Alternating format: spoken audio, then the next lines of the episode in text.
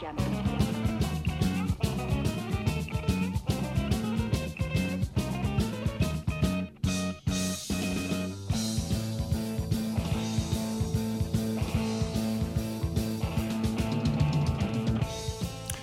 sæli hlustundi góður og velkomnir á Sprengisand á þessum sundarsmotni, það er 17. november í dag. Nú, uh, það er svo sem líkur í hugum uppi að þessu sinni hvert megin viðhránsefni þáttarins er auðvitað svo kallega samhérja mál. Uh, fátt verið um meira, meira um talað í, í síðustu viku en það auðvitað eftir, eftir þennan magnaða kveiks þátt á þriðdægin þar sem að Borðnar voru mjög alvarlegar áverðingar á, á fyrirtækið og fórsvarsmenn þess. Uh, í mörgum liðum er maður náttúrulega að segja. Uh, Björgólu Jóhansson sem er starfandi fórstjóri samverja verður hérna á eftir hjá mér. Þau verður hérna líka þingmenni Lilja Rafni Gummistóttir, Þorstein Víglundsson og Óli Bytt Kárasson. Við munum ræða þessi málöld frá hinnum á þessum hliðum. Uh, ég ætla líka að tala um dag íslenskunar sem var reyndar í gær.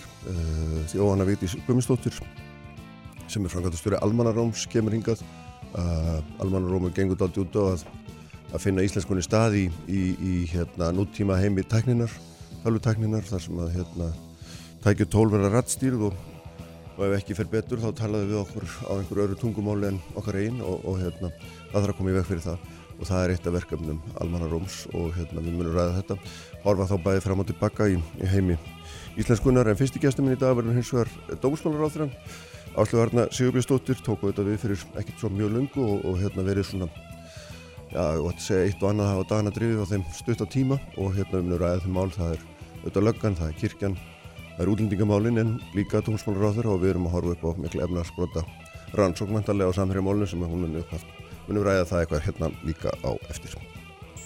Mikil umræða alla sunnudaga, sprengisandur á bylgjunni. Kraftmikil umræða alla sunnudasmórna Sprengisandur á bylgjunni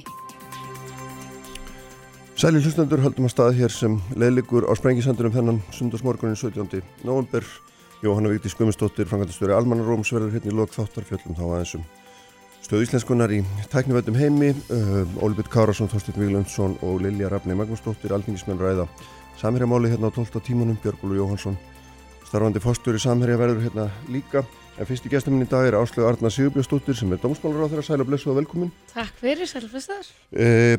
Eh, þú er ekki verið lengi ennbætti en það er mikið gengi á, held ég mér sé ótaföllega. Já, það er rétt. það er hérna, þetta byrjaði nú mjög skart með lörglunni, uh, hérna þessu viðtali við ríkislörglustjóra í morgunblæðinu sem að virti svo að hans mati vera meira að minna miskilingur uh, þegar hérna upp var staðið. Uh, það er þetta kirkjumálin, útlendingamálin mjög erfitt mál núna bara hérna fyrir rúmri viku og hálfum mánuði þess að þessi albanska kona var, henni var vísað á landi svo mann hefnir nú bara nokkur það er landsréttur og svona þetta hefur bara verið heilmikið af stórum erfiðum málum Já það er rétt, þetta eru búin að vera rúmir tveir mánuði núna mm. og auðvitað fjöldi mála sem eh, snerta bara dómsmálaráðindi og heyra þar undir og mörg þeirra eru kannski svona persónulegri en aðri málaflokkar mm. og því aðeins þingri en að samanskapi eru þarna líka undir uh, margir skemmtilegir og áhugaverðir og mikilvægi málflokkar mm. sem hérna ég er mjög reyði búin að sinna. Mm -hmm.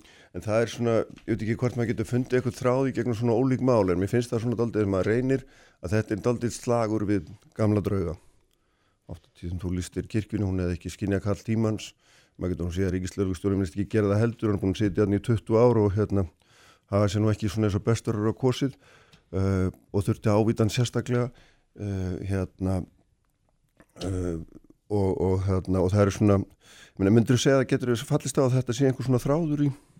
Já, þetta er kannski einhverju leiti ég þetta kem bara nýjinn í raðunettið mm. og skart, það er þingið strax að byrja og alls konar mál sem kom upp og ég mun alltaf einhvern veginn vera trúminn í sannfæringu, bara hvernig við erum að horfa til framtíðar og hvaða tækifæri eru mm. í þessum kerfum, bæði þá þetta lauruglunni en líka þetta hvar við getum gert betur varðandi þjóðkirkjuna og útlendingamál og svo mm, framvegis. Mm mm -hmm. En hver er staða ef við byrjum bara rétt eitt augnablík á stöðu laurglustjónar sem nú var þessi miklu kvellur, þú lístir óanæg með þetta viðtal og hérna uh, sem var nú allt því sérkennlegast að það lístar miklu spillingu laurglunum, talaði um að hérna, sérsveitin sem heyri nú beint undir hann væri orðin einhver sér menningarheimur, þetta var fullkomlega óskiljanlegt -hmm. svona utanfrá sér. Og hérna og síðan marsherraninn á fund hjá þér, ég meina þú varst sjálf í lauruglunni sem sumar stúlka, fyrir ekki að ég nota orðið stúlka en með þannig var það. Já, já. og þetta er fyrir hann yfirmaðurinn í einhverju skilningi. Mm þetta hlýtur að vera nokkuð flókið staða Já, svolítið fló, flóki þegar kemur upp svona stað sem skapar tókstreitu og kannski svona uh, hjálpar ekki til til að byggja upp traust á lauruglunum sem við erum búin að vinna að í mörg ár og er það mikilvægast á. Það er auðvitað mikilvægast að svona mál skaði ekki starf lauruglunar, starf lauruglunar sé alltaf fyrir öryggi borgarana og að við séum alltaf að tryggja það sem best.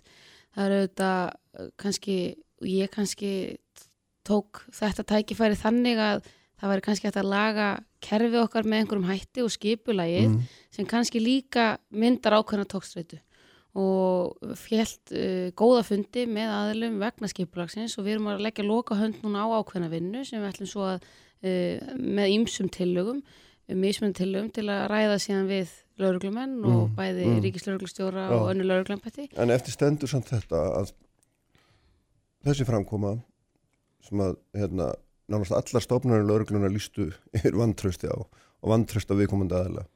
Þú varst sjálf mjög óanað með þetta vitt þannig sem ég er búin að segja áður. Og, og það hefur samt ekkert gerst í raun og veru. Svo situr viðkomandi bara áfram sali rólegur og ekkert er að gerast eða hvað? Það er auðvitað ekki hægt að tjá sig um einstakar starfsmánamál, ekki varandi Nei, eða önnur mál en það er auðvitað uh, spurningin hvernig ríkislauruglustjóra embættið á að vera og hvort það sé Mm. Einhverjar breytingar þar á sem hægt er að gera til að losa um þessa tókstreitu sem hefur myndast mm og það er auðvitað óásættanlegt að uh, lauruglumenn sé að taka svona á ofinberlega í umræðinni, í Mhm. fjölumilum -hmm. Uh, Það verður að vera eitthvað virkara samráð sem er kannski ekki til staðar í dag Já. í kerfinu til þess að lauruglumenn, lauruglustjóra, ríkislauruglustjóri, hvernig sem þessu verður hátta síðan Mhm. í framhaldinu geti átt virkara samráð uh, sín á milli Mhm. um uh, þau verkefni sem stæði að hverju sinni að því oft blossar þetta upp út af kannski einhverju sem sumi myndu segja smámáli eins og kannski sást í vor sem voru bílamál og fatamál, Aha. lauruglunar þetta er auðvitað eitthvað sem veldur uh, á, svona reyði hjá kannski lauruglumunum fyrst og fremst pyrringi sem leiðir þá til lauruglustjórana sem leiðir þá til ríkislauruglustjóra og þarna kannski vantar bara meira samráð milli þessara aðila þar sem ríkislauruglustjóri er ekki betni yfirmaður annara lauruglustjóra og það er svona að maður velti fyrir sér hvort að þessi að nýta þessa stöðu sem tækifæri til að gera kerfið okkur ennþá betra með smávægilegum breytingum. Mm en samráð í svona tilfelli veldur náttúrulega alltaf á persónum samráð getur verið gott og mikið ef að persónunar náði en það skiptir yngu máli hvað struktúrin heitir ef að menn vil ekki tala saman Nei, nei, að sjálfsögðu ekki, en ef það er ekki kannski mynda staðan þegar það er ekki reglulegt niður formlegt samráð mhm. einhvern veginn uh, bundið niður og það verður auðvitað að vera þannig að menn geti rætt samstarf sitt og samvinnu og líka ágreining á einhverjum tilteknum stað til þess að við séum alltaf að uh, tryggja það að tröst og öryggi lauruglunar sé gott. Við höfum auðvitað bætt gríðarlegum fjármunum í lauruglunar á síðustu árum. Við höfum verið að efla svona þær stóðir lauruglunar sem kannski uh, þurftu þess helst að halda, svona nýjar áskoranir, hvort sem það er skiplu glæpastarfsemi eða kynferðisbrotamálin um, og fjármunni sem við erum að setja í lauruglunni í dag eru meiri en til dæmis bara 2007, mm. langt um meiri. Mm og við þurfum auðvitað að sjá til þess líka að maður sé að nýta þessa fjármunni sem best. en þú, þú sagðir að þú vildi ekki tala um starfsmannamál gott og velskil það en við erum ekki bara að tala um eitthvað starfsmannamál við erum ekki að tala um Jón Jónsson við erum að tala um eina aðstu stöðu í lauruglunni og hún fungerar ekki það er ekki starfsmannamál, það er miklu meira mál en það Embættið fungerar vel og það eru auðvitað bara spurning Hvernig getur þú sagt að þeir eru búið að lýsa yfir vantrösti á embætti? Það Ég meina það er maðurinn, ekki- ekki þetta? Jú, jú, á vissu leiti, Já. en það eru líka fjöldi, fjöldi starfsmanna Já, já, sem vinna að mismunandi verkefnum undir og það verður ekki bitnað á þeim verkefnum sem Mm. þetta embætti sinnir uh, í svona þessari löggæslu sem við horfum frá dag frá degi. Mhm. En það þýðir ekki það að ég sé að segja að staðan sé ásættanleg. Nei, Hún er það ekki og það er þess vegna sem ég hef kallað fólk á borðinu og það hefur verið meiri samhljómur uh, í þeirri vinnu heldur en ég kannski bjóst við. Mhm. Ég held að þar kannski væru líka uh, svona miklar og mismunandi hugmyndir en þar er fólk gríðarlega sammála þrátt fyrir það ósætti sem við höfum séð út á við og ég hef auðvitað gefið mér það þannig að ég hef ekki sett ákveðna nefndir eða hópa eða ráð stóra til að vinna úr sér til þess að geta unnið þetta hratt og komið með ákveðna tillögur mjög hratt og ég er að sjá það gerast núna. Mhm. Hérna, við skulum fara í, í, í annað mál sem að hérna, þú líka þurft að taka stáfi það eru, hérna, og þarft að taka stáfi áfram og það eru hérna, útlendingamál uh, og það var auðvitað, kom, þau komast enn og aftur í sviðsljósið út af þessi máli þessari albansku konu sem að vísa var, var á brott á 37. viku meðgöngu og þú saðir við um viljum öll fara varlega, talaður um í hérna sömræðu eða, eða sömgrein, mann þannig ekki hvort var, um mannúð, við þurftum að sína mannúð. Og mér langar að byggja skilgrein þetta vegna þess að ég held að mjög mörgum hafi þótt þetta mjög ómannúðleg meðferð. Og við maður alls ekki farið varlega, hefur einmitt mjög óvarlega gagvert þessari mannesku sem var á mjög viðkvæmi stað Mm -hmm.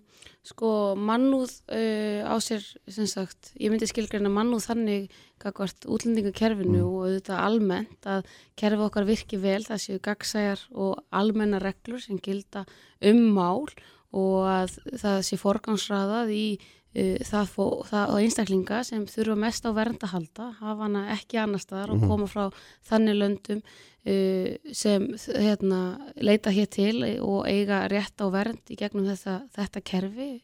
Um, síðan er þetta líka þannig að uh, margir svona segja að skilvirkni eða það að málingangi hrætt fyrir sig sé einmitt ekki, maður sé einhvern veginn þá snúa út úr mannúðin, það líka uh -huh. mannúð að fólk fái svar hratt, þurfu ekki að býða hér í óöryggi uh -huh. í mhm. lengri tíma hvort sem svarið er já eða nei uh -huh. að hérna, kerfið okkar virki þannig að, að það fólk sé ekki hér í mörg hundru daga án þess að fá svör sinna máli Já, ég held við getum og... öll verið samála um þetta en í þessu tilviki þá erum við að tala um mann og held ég hljóta að vera í þeirri merkingu að við horfum fram hjá reglunum þegar það á við, við séum ekki blinda á reglunar við séum ekki bara með computer says no þegar að hérna Já, já, ég lísti því þetta hérna að ég sá þetta mál bara í fjölmjölum eins og aðrir mm þennan morgun og, og sko eftir upplýsingum þá. Og þó ég get ekki tjáð mig um einstök mál að þá eru þetta bara ákveðnar reglur sem þó gilda og við þurfum auðvitað þá að skoða þær hvort að verklagsreglurnar mm -hmm. þurfum að vera með öðrum hætti,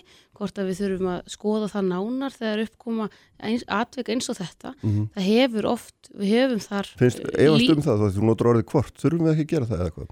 Jú, við munum skoða það og við erum að býðast þér að landlæknir og útlendingastofnunum mm. til dæmi setjast niður af því að mm. þarna kannski e, var þetta gat í kerfinu þar sem við höfum áður og oft frestað brottvísunum vegna einstakramála, heilsu, óléttu, mm -hmm. þeim dæmi, mm -hmm. það hefur oft komið upp Já. og það er verið að sína mannúð vegna Já. einhverja stöðu sem einstaklingur í og getur ekki verið brottvísað. Mm -hmm. Þannig stoppaði það ekki og þá veldi maður fyrir sér, heyrðu, er eitthvað sem hérna, er óskýrt? Já, mhm. þannig mhm. var kannski hérna, um, og eins og landlæknir lísti, það var eitthvað ósam, sko, það var ekki samrými í því hvað mm -hmm. hefur verið haldið fram, hvernig á að koma í veg fyrir brottvísun og hvað var í þessu máli. Mm -hmm. Þannig að auðvitað þurfum við að skoða það og ég býð eftir því að útlendingastofnun og landlæknir mm -hmm. komi með einhver skýrari línur eftir þetta mál og Já. þau hafa sérst alltaf að tala saman og það eru auðvitað bara mikilvægt almennt að kerfið okkar virki bæði vel en mhm. síni líka auðvitað mannúð í svona málum Já. sem og öðrum.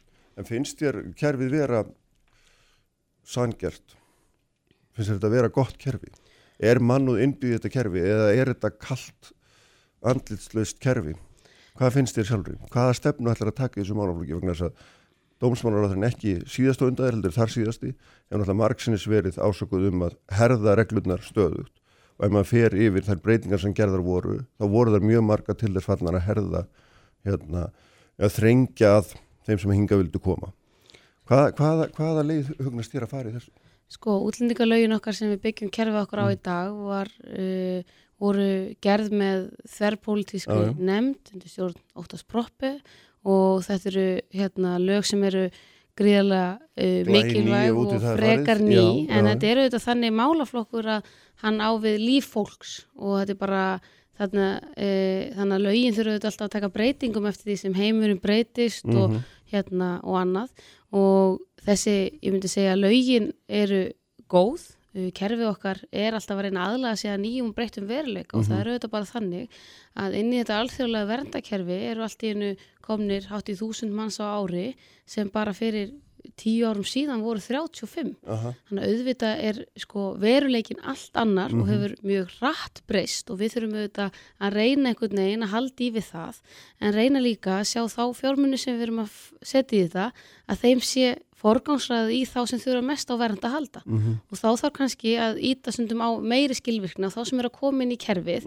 en munu alltaf fá nei Já. og þá þurfum við líka og mér finnst þetta þó að það heyri ekki undir sama ráðherran, það að segja mig eh, en þá þurfum við samt að skoða þetta í samhengi við atvinnuleifi Já. hvað, og hvað við erum að hugsa hér uh, varðandi það, hverja eru við tilbúin að hérna, leifa, hér hér að koma til þess að koma og starfa sem vilja bara einfallega betra líf Mhm. eru oft aldrei svona efnahagslegir Já, já. hérna, flóttamenn eða slíkt sko, þeir sem vilja bara koma hingað og kom, sjá bara þann eina valkost að koma gegnum hæliskerfið Mm. af því að þeir fá ekki sko, atvinnuleifi með öðrum hætti Já, og þá, þó að þetta heyri undir félags- og barnamálur þeirra þá við að skoða þetta samsíða það hefur auðvitað verið mikil uh, sko, andstaða við það að fólk sem er ekki með sérfræðimentun Mhm. utan EES já, getur komið hingað og starfað. Já. Við höfum séð ímist dæmi þessi fjölumilum, ég minnist hvort það var í sumar um japanskan kokk sem var hér og Mhm. einhvern veginn sko, þetta eru hérna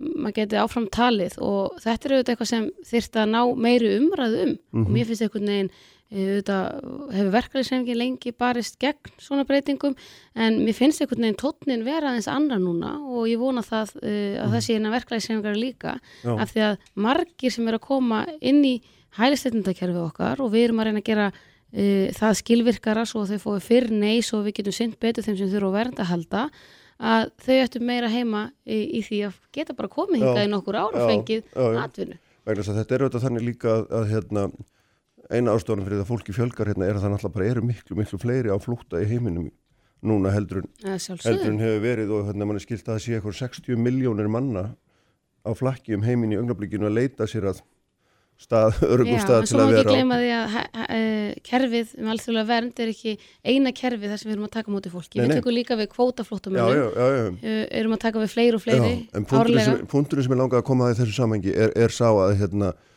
sko meðan að maður, meðan þetta er svona þröngt skilgreind að þú þurfur að vera á flótta undan stríðsátökum, hérna, náttúruhamförum eða einhverju þess áttar til þess að geta talist hérna svona flóttamaður í hefbundin skilgreiningu að þá er þetta mjög þröngt en það er líka, er það ekki hérna, getur ekki verið samanlega að það er fullkomlega lögmætt ástæða til þess að fara einhverstað og það gerir það enginn að gamni sínu er það bara þú sérð enga framtíð? Þú sérð enga framtíð fyrir sjálfaðið eða bönniðin En en er það ekki bara fullkomlega eðlett og getum við einhvern veginn sætið íslingar eða hverjir aðrir og sagt bara nei, verður bara heima þér, þú ert óöfnið, þú fættist þarna. Sko, kerfið okkar er nú þannig að hvert máli skoða sérstaklega. Mm og það eru þetta uh, líkilatrið í kerfinu okkar. Að það eru hérna, það er lagt einstaklingsbundi mat á öll mál. Síðan er þetta spurning uh, sum fá efnis meðferð síðan og önnur ekki en það, þetta einstaklingsbundi mat eru þetta líkilatrið við segjum aldrei bara allir þaðan eða allir í þessum aðstæðum fá nei Við við erum það með ríki flokku samt sem áður Já, allir frá eftir- Albaníu eru al- ekki eftir- flótamenn af því að eftir það er alþjóðlegum skuldbendingum Já, já, okkar já, já. þar sem þe- við fáum þessar upplýsingar þannig að við erum að staða. flokka fólk En- svona heilt yfir ekki satt he, sko að einhverju leiti vissulega og verðum að gera það svo að kerfið okkar virki Mhm. annars væru hér allir að býða í tvö, þrjú ár Mhm. eftir einhverju svari um, þannig að við verðum auðvitað að reyna forgansraða fyrir þá og við erum okkur að takast það Já. að fólk sem er að fá vernd hér margi hverji sem fá forgansmeðferð fá svör innan Mm. fjara til 11 daga. Mm en spurningi snýst aldrei um sko, hérna, flokkurinn að sjálfa. Er það lögmat ástæða þínu mati og er hægt að opna landamæri fyrir fólk sem er ekki á flótta, heldur er bara að leita sér að betra lífi vegna þess að lífið eru ömulegt þar sem það og það er var það svo sem ég var að nefna Já, varandi atvinnulefi já, uh, og er eitthvað umræða sem verður að taka Já. og ég er mjög opinn fyrir því Já. þó atvinnulefin heyri ekki beint undir mig að þá er þetta náskild umræða. Já, að það er einmitt það sem þú ert að vísa til að það eru margir sem komin í hæliskerfið og við erum ekki að eh, veita vernd þar eða stöðu flóttamanns Mhm. og ættu frekar heima inn í því bara vilja koma hér og eiga betra líf og fá vinnu. Mhm, mhm. Sko við skulum hérna áður en tíminn hleypi frá okkur aðeins hérna tala um annan gamlan draug sem var hérna þú hérna fórst hérna yfir á, á með, með hérna kirk, kirkuna sjálfa Já. og kirkuna þjónu vegna þess að það var mjög áhugavert að kannski svo, sem að nefnir bara punkt í því samingi að þú talar um að hérna í raun og veru aðskilnaður kirkju og ríkis væri óhjókamilegur og þú reyndar sást engi vandkvæði við það að, um að kirkja myndi spjara sig án ríkisins en nú er það þannig í hérna í, í, í í hérna kostningum sem við fórum í gegnum hérna almennum kostningum þjóðratkvæða greiðslur, ég var að leita orðinu hérna, að þar samþýttu nú þjóðin held ég með tölvunum meiri hluta að þjóðkirkjan ætti að vera hluti af ríkinu ekki satt? Jú, jú. og þarna, þannig að við erum komin svona í í berhögg við það álíknilega Já, ég, ég, er, ég er, sagði ekki að ég var að fara hérna, aðskilja fullkomlega ríki og kirkji hér á næstu tveimur árum. Mm. Nei, Ég nei, sagði en það þú væri- sagðir að þetta væri Ég óhugkamlega til myndi framtíðar telja að uh, sko, það er auðvitað bara þannig að það er miklu meiri krafa á sjálfstæði trúfélaga og lífskoðunafélaga en nokkuð tíman áður og þróunin er þannig, við sjáum þeim sem er hversu auðveldar mörgum kynnslóðum finnst að skrá sig úr þjóðkirkjunni um, og hvernig umræðin er varðandi hérna ímsu þætti. Og það er líka mikil stuðningur innan þjóðkirkjunar við það að auk, öðlast meira sjálfstæði. Og samningurinn sem við kláruðum í upphafi septemberbánaðar eigur sjálfstæði kirkjunar til muna. Með frá með áramótum eru til dæmis prestar ekki lengur ríkistarfsmenn kirkjan fær meiri uh, svona völdi við sínum fjármunum, fær að uh, ræður þeim meira sjálf. Og ég held að sé, þetta sé eitt stærsta skrefi sem hefur verið tekið til að auka sjálfstæði kirkjunar og auðvitað mun þetta alltaf vera í takt við vilja þjóðarna hverju sinni, það mun aldrei vera tekið út ákvæði í stjórnaskráni nema með þjóðaratkvæði greiðslu og slíkt. En við þurfum auðvitað að þóra að hugsa til framtíðar í þessum efnum svo við lendum ekki í einhverjum ógangum þegar allt í hennu kannski uppi er staðan eftir 15 ára innan við helmingur landsins er í þjóðkirkjunni.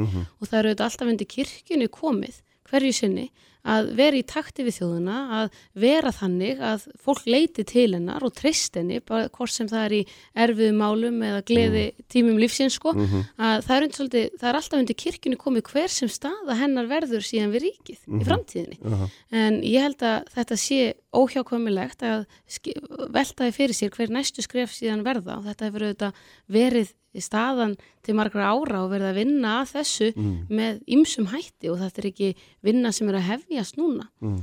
En ertu ekki með þessu fyrst og næst kannski komin í svona, ég ætla ekki að kalla það slag en, en þú ert komin í svona ágreining við eldri sjálfstæðismenn þeir eru fyrst og fremst að hafa hérna, haft mjög rík verið mjög rík eh, hafa verið með rík tengsl á milli flokks og kirkju mjög lengi Ég, ég segi það sjálfa, ég myndi skrá mig í þjóðkirkjuna þó hún var ekki í tengslum við ríkið. mm. En þetta snýst ekki um það hvort að þú sérst á móti kirkjunni eða ekki. Ég er ekki um, ég er með engum hætti að segja að ég sé ansnúin kirkjunni. Ég held einfallega að þetta sé betra fyrir kirkjuna. Mhm. Ég held einfallega að við getum auðvitað litið á fríkirkjuna sem dæmi því ég er nú að leiðinni þangað í 120 ára ammæli, Já. núna klukkan 11 að hún getur verið ákveðin fyrirmynd af því að hún starfar undir sömu trúmerkjum en óháð ríkinu Mhm. og við þurfum auðvitað bara að velta fyrir okkur hvernig verður þetta til framtíðar ætlar, og ætlar kirkjan að vera áfram þjóðarkirkja, hún getur vel verið það með meir hluta landsmanna skráða uh, í kirkjuna. Mhm. en þá þarf hún auðvitað að fylgja takti tímans og, hérna, og gæta þess að fólk leiti til hennar. og ég er ekki að leggja það mm, til að mm. það verði fullur aðskilnaður núna á næstu tveimur árum. Ég er að segja, eigum við ekki að skoða það, hvort að þetta sé óhjákvæmilega framtíðin og Já. gera þá plan sem er best fyrir kirkjuna og ríkið í senn. Aha. En þetta er náttúrulega ekki bara svona veraldlegur, fjárhagslegur aðskilnaður, þetta er líka einhvers konar svona síðferðilegur aðskilnaður vegna þess að um leið og kirkjan missir eitthvað svona einhvern stall eða fer, fer á annar sínu stalli sem þjóðkirkja, við getum satt á fári inn í það þetta missir hún líka ákveði áhrifavald og, og álit hennar á síðferðilegu málita efnum eins og málunum samkynnar að fyrir þetta skipta miklu minna máli. Að það er bara óhjákvæmilegt og, og hlutverkana hlýtur þá líka að minga mjög mikið. Meina það er, það er, það er ég held að þetta sé óhjákvæmileg þróun. ég held að það sé Eða alveg hvað? undir henni komið. Uh, hvernig uh, tengslana verða við fólk, hvernig, hvaða Mm. verkefni hún mun fá. Það er, er eftir því hvort að fólk vilji leita til hennar í þeim verkefnum og hérna hafi þetta að leiðaljósi. Mhm. og ég hef einhvern veginn ekki eins miklar áhyggjur af því og þú um, að þetta einhver sé einhvern veginn og aðskilnar finnst mér kannski Já. ekki rétt að orðið yfir Þú þetta. sagðist ekki um Þetta er- kirkjunu þá ég hef ykkar áhyggjur á þessu, það var Nei, ekki það sem ég var að Nei, segja. þetta Sko. er bara, þetta er snýst aðalega um auki sjálfstæði kirkjunar Já, og ég held að það sé almennt gott Mhm. fyrir kirkjuna og ég held að sko samfélagi okkar sé bara þróast þannig að það sé sífælt meiri krafa um sjálfstæði trúfélaga Mm. og það má ekki einhvern veginn bara snúa blindu auga á það og ætla sér ekkert að gera fyrir en staðan er einhvern veginn svo að undir 50% þjóðarinnar kannski skráði í kirkjuna. Mhm. Eigum við ekki frekar að reyna að ebla kirkjuna þannig að hún sé sjálfstæð, hún standa á einn fótum, að hún, hérna, það sé svolítið undir henni komið, að hún fái fólk til yðsvið sig Mhm. og það er algjörlega óháð því hvers samband verður síðan til framtíðar. Já. Hérna, við ætlum að fara í eitt máli viðbót og, og hérna, fyrir ekki hvað þetta er svona holt og bolt og hingað og þangað. Öll er þetta mál sem var hægt að, ræða í þaula og hérna, miklu lengur. En, en mér langar að tala við sem þeirra um, um þetta samhærjamál sem uppkomi í, í síðustu viku.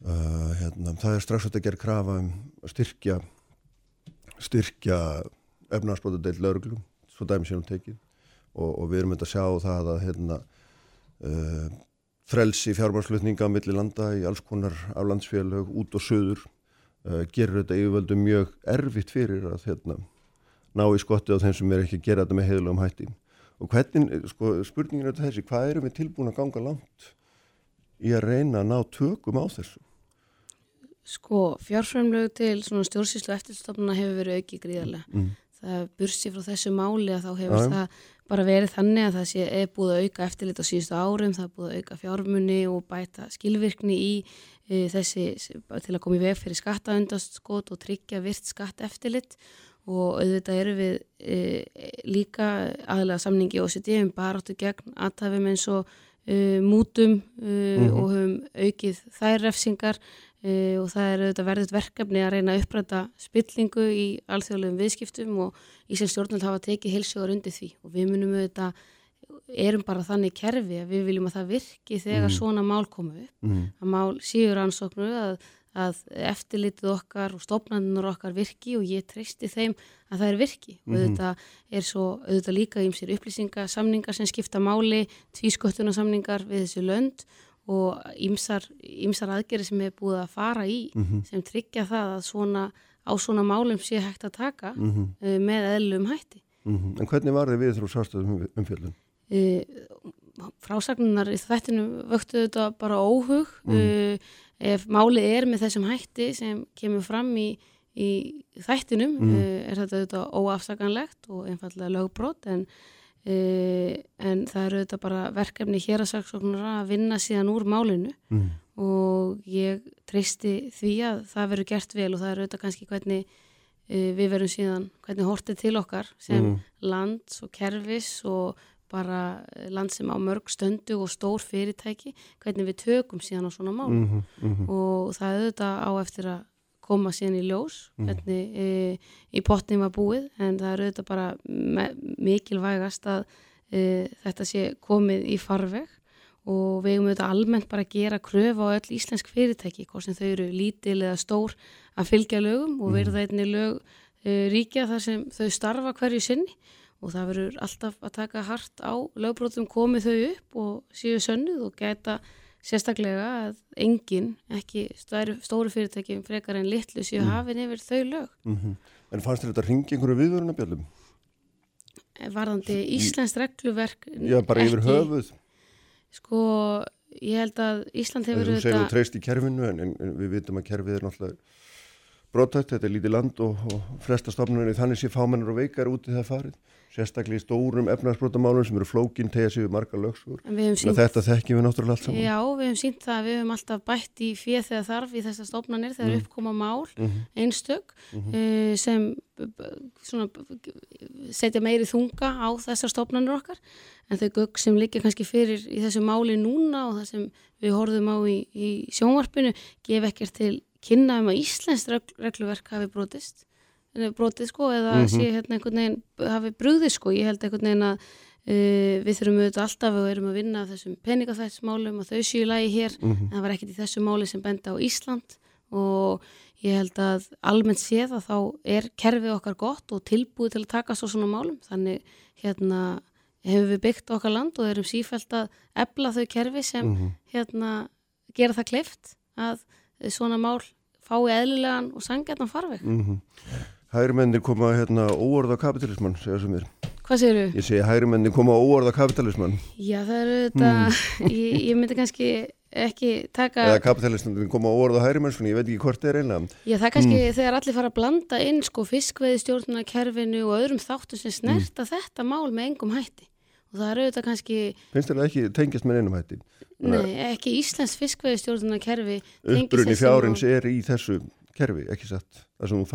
í tiltekki réttindi langt fram í framtíðina En til þess að veiða hérna, fisk úr, úr sameigilegri lögsögu, það er niður sameigilegri öðlind, það, það er nú þannig. En fiskveiðstjórnarkerfi okkar er einstaklega á heimsvísu og til þessi Mm. litið allstaðar og það er ekki sem út meira til það tókst ekki, þau tók ekki upp íslenskt fiskveiðkerfi þegar við reyndum það með mm. þróunarstof fyrir nokkrum árum og það væri önnur staða en Nambíu hefðu þau íslensk fiskveiðstjórnarkerfi til að vinna eftir. Mm Þá hefði Tók verða ekki upp en, en breyttu því sér aftur, var það ekki þannig? Jú, það tókst ekki að hafa það nei, endanlegt nei, nei, í nei, nei. Namibíu og við erum auðvitað ítrekkað, höfum við mælst meðal minnst spiltu þjóðfélagi heims. Við tökum á svona málum Mhm. og látum þau ekki viðgangast uh, uh, og ég held að þetta, þetta síðan einstaka mál þarf auðvitað bara að rannsaka og fer þann farveg og það er ekki stjórnmálamanna að standa uppi í háreisti og þeir þurfa kannski stundum að minna sig á að hvar þeir standa í þrískiptingu ríkishalsins. Mm Ljómandi, Áslega Arda, takk fyrir að koma, gott að fá þig. Og hérna verður hjá mér hann Björgólfur Jóhansson, starfandi fórstjóri samherja eftir augnablík. Sprengisandur á bylgjunni alla sunnundasmórna. Í bítið á bylgjunni alla virka daga frá 6.50 til 10. Sprengisandur á bylgjunni. Uh, Sæli áttulustundur, uh, Áslega Arda er farin frá mér en Björgólfur Jóhansson, starfandi fórstjóri samherja, sestur hérna hjá mér, velkomin Björgólfur. Takk fyrir það. Er þið sami dagar að baki núna hérna þessir örfáur sem búin að vera hérna starfandi fórstjóri trúi sko. Þrír. þú- Þrír Þrír. dagar, já og hérna þess að fyrsta spurningin til henni er sko vegna þess að þú er nú sko fyrirhandi hérna formar samtök atvinnulífsins. Þú er líka stjórnaformar Íslandsstofu. Uh, hérna samtök atvinnulífsins heildar samtök sem að berjast nú að þér hérna núverandi eða eftirmaðurinn sagði sko að hérna þessi vinnubröð sem þarna komið fram í þættinum ef, ef rétt reynast, við skulum hafa þann fyrir var öllu bara, hérna eru bara alls ekki þeim anda sem Íslands vil starfa. Þú ert líka að vinna við það sem nei hérna stjórnaformaður að, að hérna, bæta, skerpa þessar reynu tæru ímynd Íslands út á við Mm og hérna, þessu kastaru frá þér og ferð þarna inn í fyrirtæki sem að bara eins og reyndur að segjast með þann þátt sem við sáum, bara er í hræðilegri stöðum. Já, já, og ég verð bara að viðkjanna það að það var svo sem ekki auðveld ákvörðun, Mhm. en, en ég náttúrulega horfa á þannig þátt eins og aðrir og maður verður auðvitað bara sjokkraður að horfa á hvernig uh, málun eru sett fram þar. Mm -hmm. Uh, ég uh, fekk einfallega lítinn tíma til að hugsa mig um. Ákvörðun uh, samilega ákvörðun stjórnar og Þorsteins Más var að hann myndi víkja. Mm uh, og það væri þá ekki síst til þess að auka trúverðuleika á þeirri rannsók sem að stjórnin er búin að setja í gang. Mhm. ráða til þess uh, hérna norska lögmanstofu uh, sem að hefur þekkingu í svona málum. Þannig að ég uh, þurfti að ákveða þetta í raun á mjög skömmu tíma sent á mingtaskvöldi uh, ég auðvitað horfi á minn feril uh, í atvinnulífi sem tiltölulega góðan. Ég hef ekki stundan eina slæma viðskiptahætti, eh, vona ég. Mm. Uh, og uh, þarna kemur en ákallum að ég stýi inn. Ég er búin að þekkja þá frændur þrjá, Þorstein Mm. Vilhelmsson var náttúrulega inn í samherja Já, já. í upphafi, ég er búin að þekkja þá. Eins og Kristján Vilhelmsson sagði, við erum búin að þekkjast í 58 ár. Það segir ekki til um aldur minn. En hérna þannig að, að mér fannst ég, mér bera skilda til að Mm. koma inn aðstöða í þessu máli. Og ekki síst þá í ljósi þess að ég þekki mjög marga starfsmenn samferði líka ég veit að það fólk hefur verið að vinna vinnuna sína af einurð og heiðarleika. Uh, enda hefur félagi gengið vel í þessi 35 ár sem að þeir frændur hafa verið að rekka þetta fyrirtæki. Mm. þannig að, að mér rann bara í raun blóði til skildunar. Mm.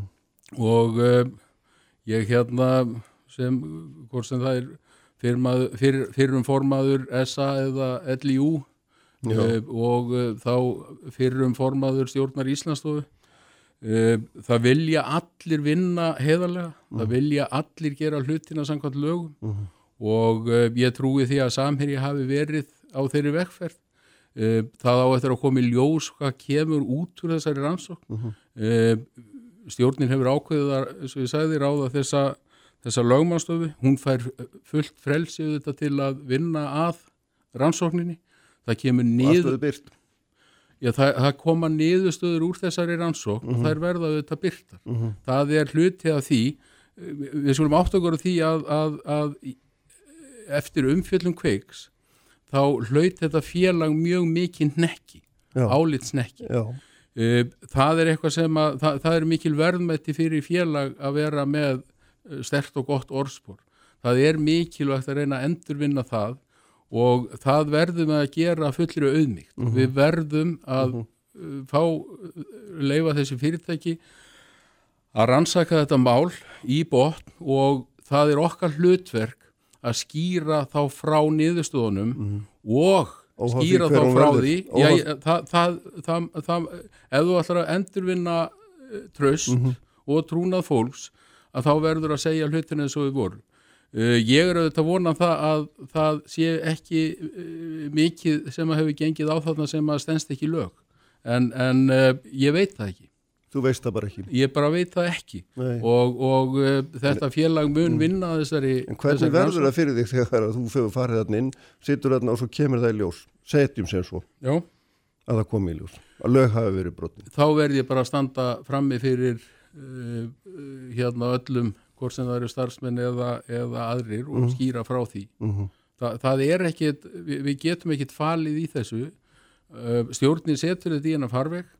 Hún vill vinna samkvæmt lögum og reglum. Já, Fy- fyrirtækið er með starfsemi í 12 löndum. Mhm. þannig að þetta er afskaplega mikilvægt að það kom ekki einhver svona álitsnekkir uh, sem út virðist um nú allan vera, já, já, virðist nú já, vera það, það, er, það er kannski ekkit óeðlilegt í ljósi þeirrar umfjöllunar sem að þarna átt sér stað. Uh, uh, ég hef sagt sko og fengi gaggrinni fyrir það að þátturinn hafi verið svolítið einhliða, hann er það auðvitað.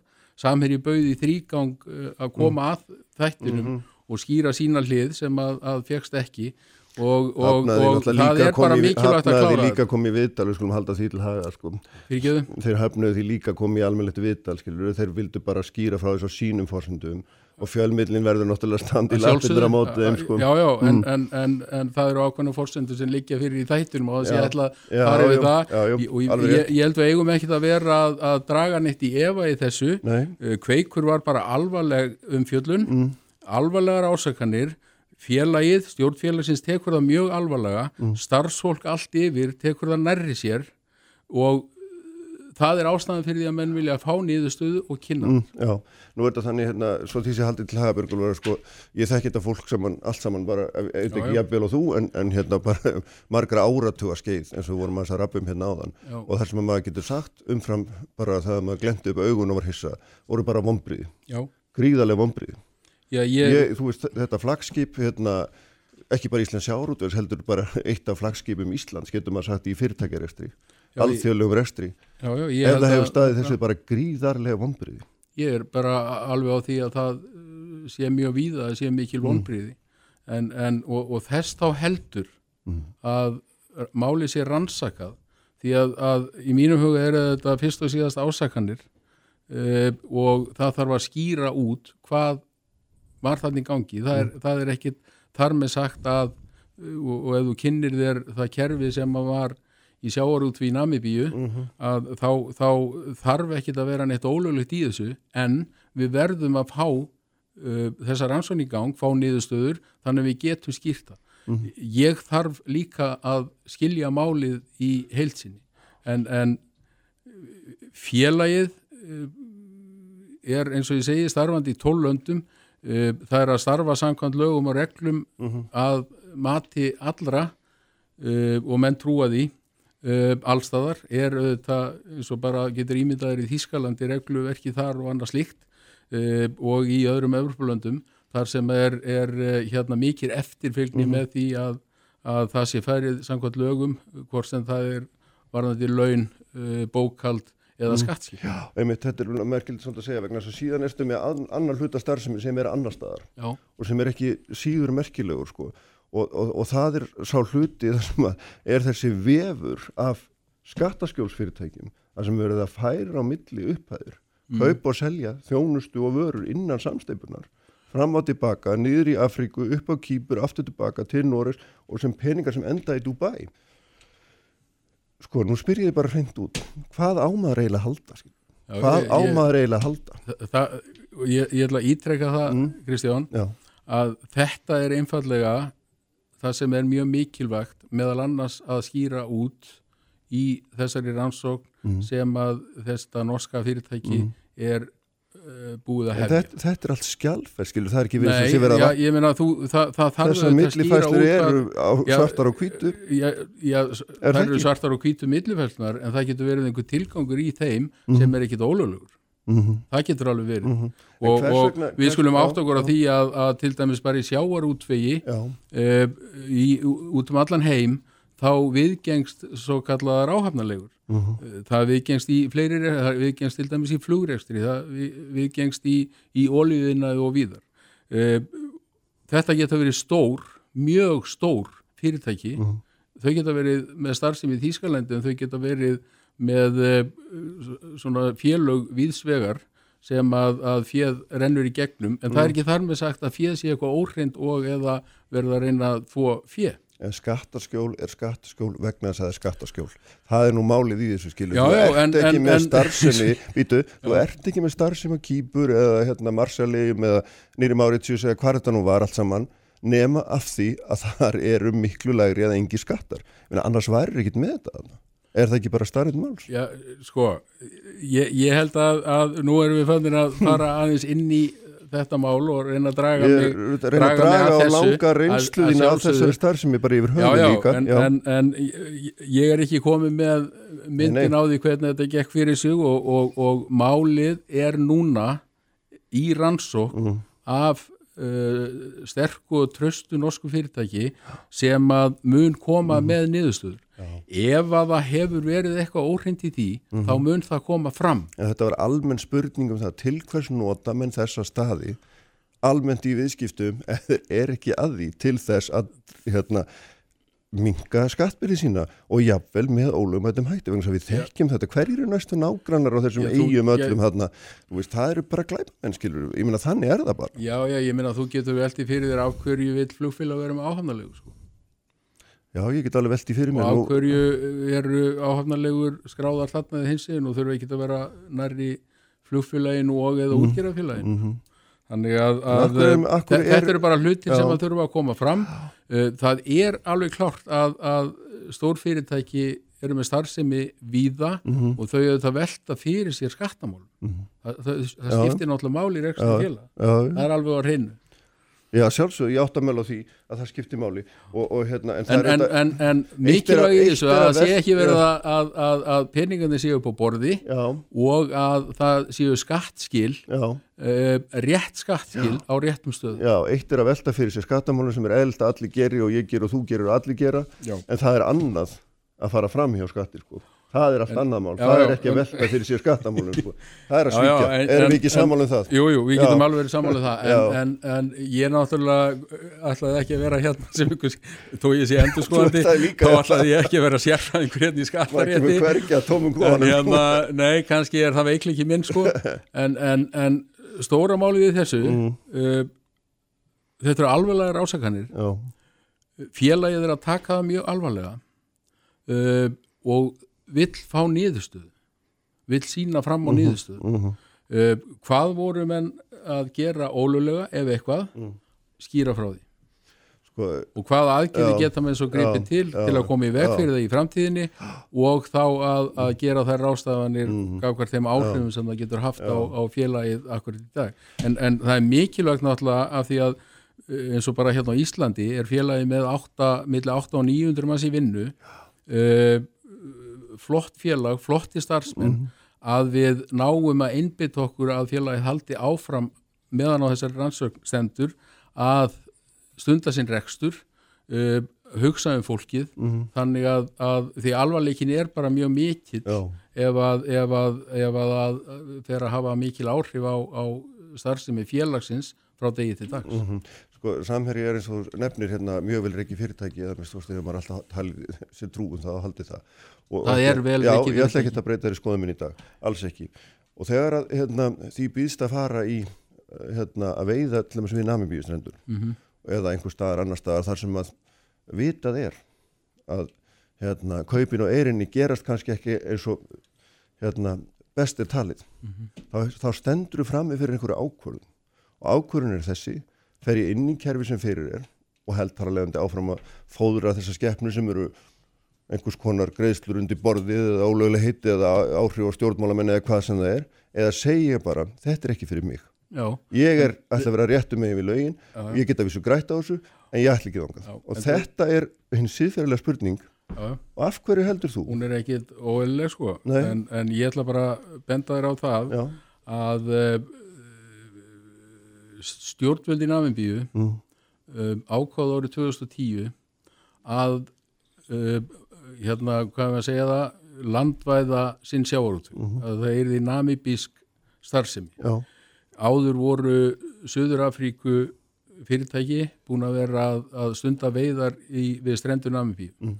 stjórnvöld þá ákveða að uh, segjum namibísk væða sjávarútu mm uh, inn í uh, það koma fyrirtæki víða að. Kínvest, rústnest íslenskt og fleiri Mhm. til þess að aðstóða þá við að koma þessu í, í, í svona eðlilegt horf sjávarútvegnum og að það sé, sé innlend starfsemi Mhm. Uh, það er alveg ljóst að, að, að suma þessum fyrirtæki sem koma þessu gengi ekki nógu vel eins og til dæmis kínverska félagið en, en þetta var ætlun stjórnvalda og það er ekki þegar samherji ákveður að koma inn á þessu þá er ekki verið að fara inn í einhverja óhreina starfsemi mhm, eins og uh, hérna uh, kemur og er verið að ásakum núna. Það var þáttaka í því að það er náttúrulega mikil þekkingin að samherja sem dæmi, það var uh, ákvörðin í tí hjá stjórnvöldum að gera þetta að eðlilegum uh, við sagt fyrirtækjarekstri og að fyrirtækin yrðu namabísk það var ætlum stjórnvöld á þeim tíma þannig að það er skýringin á því af hverju samherji tökur ákvörðin þetta og þá þessi önnur fyrirtæki frá öðrum löndum sem kom að þessu máli mm. sko, hérna það er þetta svo margt, um- margt í þessu sem er merkilegt og, og þarna eitt af því er auðvitað viðbröðin upphafi að hérna kenna Jóhannesi uppljóstrara um allt að hann hafi gert eitthvað flægt samherji í viðskipti sem hugsanlega kunna vera ólulega eins og það var Jú. orðað. Það var eitt. Og, og síðan er þetta að, hérna, að þú ert ráðansi fórstjóri þú ert orðin talsmaður fyrirtækisins og, og á þremu dögum og raun og veru fyrir á fyrsta degi. Og þú veist ekki um þetta. Stjórnaformaðan er týndur. Næst ekki í hann, hann svarar engu. Nei, hann er ég- bara eins og hann hafi gufað upp. Þorsteinn er hættur, gott og vel. Já, já. hinn aðlegandi lætur heldur ekki ná í sér. Og, hérna, og það er gaman að fá því og gott. En staðrindin er svo það, það gekk nú bröðsulega já, reyndar, ég þurfti að snúða upp á handlíkina þér aðeins. Já, já, og þú gerði það hrauslega Já, en málið er það að sko, hérna, þú veist ekkit um þetta og, og ástæðan, ástæðan fyrir því að þér er telt fram er að þú getur setið hér og sagt við mig, ég veit þetta ekki, ég veit þetta ekki, ég veit þetta ekki, Nei, í staðin fyrir einhver setið hérna sem ber einhverja ábyrð á þessu. Ég, það sem ég þarf að gera Já. og ég ætla að reyna að sannfæra þig um það Já, að þetta mál, það fer ekkit frá okkur mhm, þetta eru stórar ásakanir, alvarlegar og það taka allir innan fyrirtækisins þessu alvarlega. mhm, Stjórnin gerði það líka, greif strax til aðgerða, ræður þetta fyrirtæki til þess að rannsaka málið og það er hlutverk mitt að starfsemi félagsins, mhm, hvort sem það er hér á landi, Þískalandi, Pólandi eða hvar það er, haldi áfram á þessum eðlilegu og heiðalegu nótum sem að félagið hefur starfað. Hvað kemur upp úr þessum pakka sem er til rannsóknar, þær niðurstöður munum við fara yfir. Og þar til að við vitum allan sannleikan í því ef að það er niðurstaðan að allt sem kveikur segir sé rétt, mhm, þá er það bara alvarlegt mál og við þurfum að, að fara yfir. En e, við verðum að fá niðurstaði máli mhm, og við verðum að fá trúverðugt fyrirtæki til þess að fara yfir það þannig og við séum í stakkbúin til að kynna það. mhm, Mér finnst það óabyrt að ég fari að velta fyrir mér einstökum atriðum og, og vit ekki stóru myndina uh, ég fari að, að velta fyrir mér einstökum atriðum í málinu. Er fyrst og síðast er fyrirtæki byggt upp af öflugum stjórnundum sem að er að vinna vinna sína heiðarlega uh, fólk sem að má ekki vamsitt vita sem starfar hvort sem það er í fiski á Akureyra Dalvík mhm, uh, sem að þetta kemur við og við þurfum að, að mm. halda utan. Já, sjálfsög. Og ég er heldur ekkit að hérna, óskattir því og tjáur því mál sem þú veist ekki um en það sem ég er að lýsa eftir og, og ég með þú sem að með alla þína gríðarlegu reynslu, lungur reynslu fyrirtæki heiminum, mm. Veist alveg jafnvel og ég og miklu betur að stjórna formaðurinn er náttúrulega kallin í brunni þegar svona gerist já, en núna guður hann bara upp Já, en, en ég er ráðinn sem já. tímabindi fórstjóri félagsins ég hef tekið að mér að vera talsmaði félagsins mm -hmm. og þú verður bara að lifa við það að tala við mig já, já. Ég, ég er ekkit ósátt ég er að reyna ég, nei, ég áttam á því en ég er að reyna við, eins og ég segi, við tökum þetta alvarlega við mm. nálgumst þetta auðmíkt uh, við verðum að reynsa þetta mál frá. Mm. og það verður ekki gert nefna með sterkri öflur í rannsók Jámandi, ég heldur komist ekki lengri bíli Björgólu Jónsson, takk. Helga fyrir að koma. Takk. Við verðum hérna eftir, haldum áfram með þetta mál reyndar frá alltunni Sjónaróli, Óli Björn, Þorstin Vílundsson og Lilja Rafni verða hérna með okkur aldingismenn Sprengisandur á bylgjunni Réttir þjóðmál og pólitík. Sprengisandur á bylgjunni.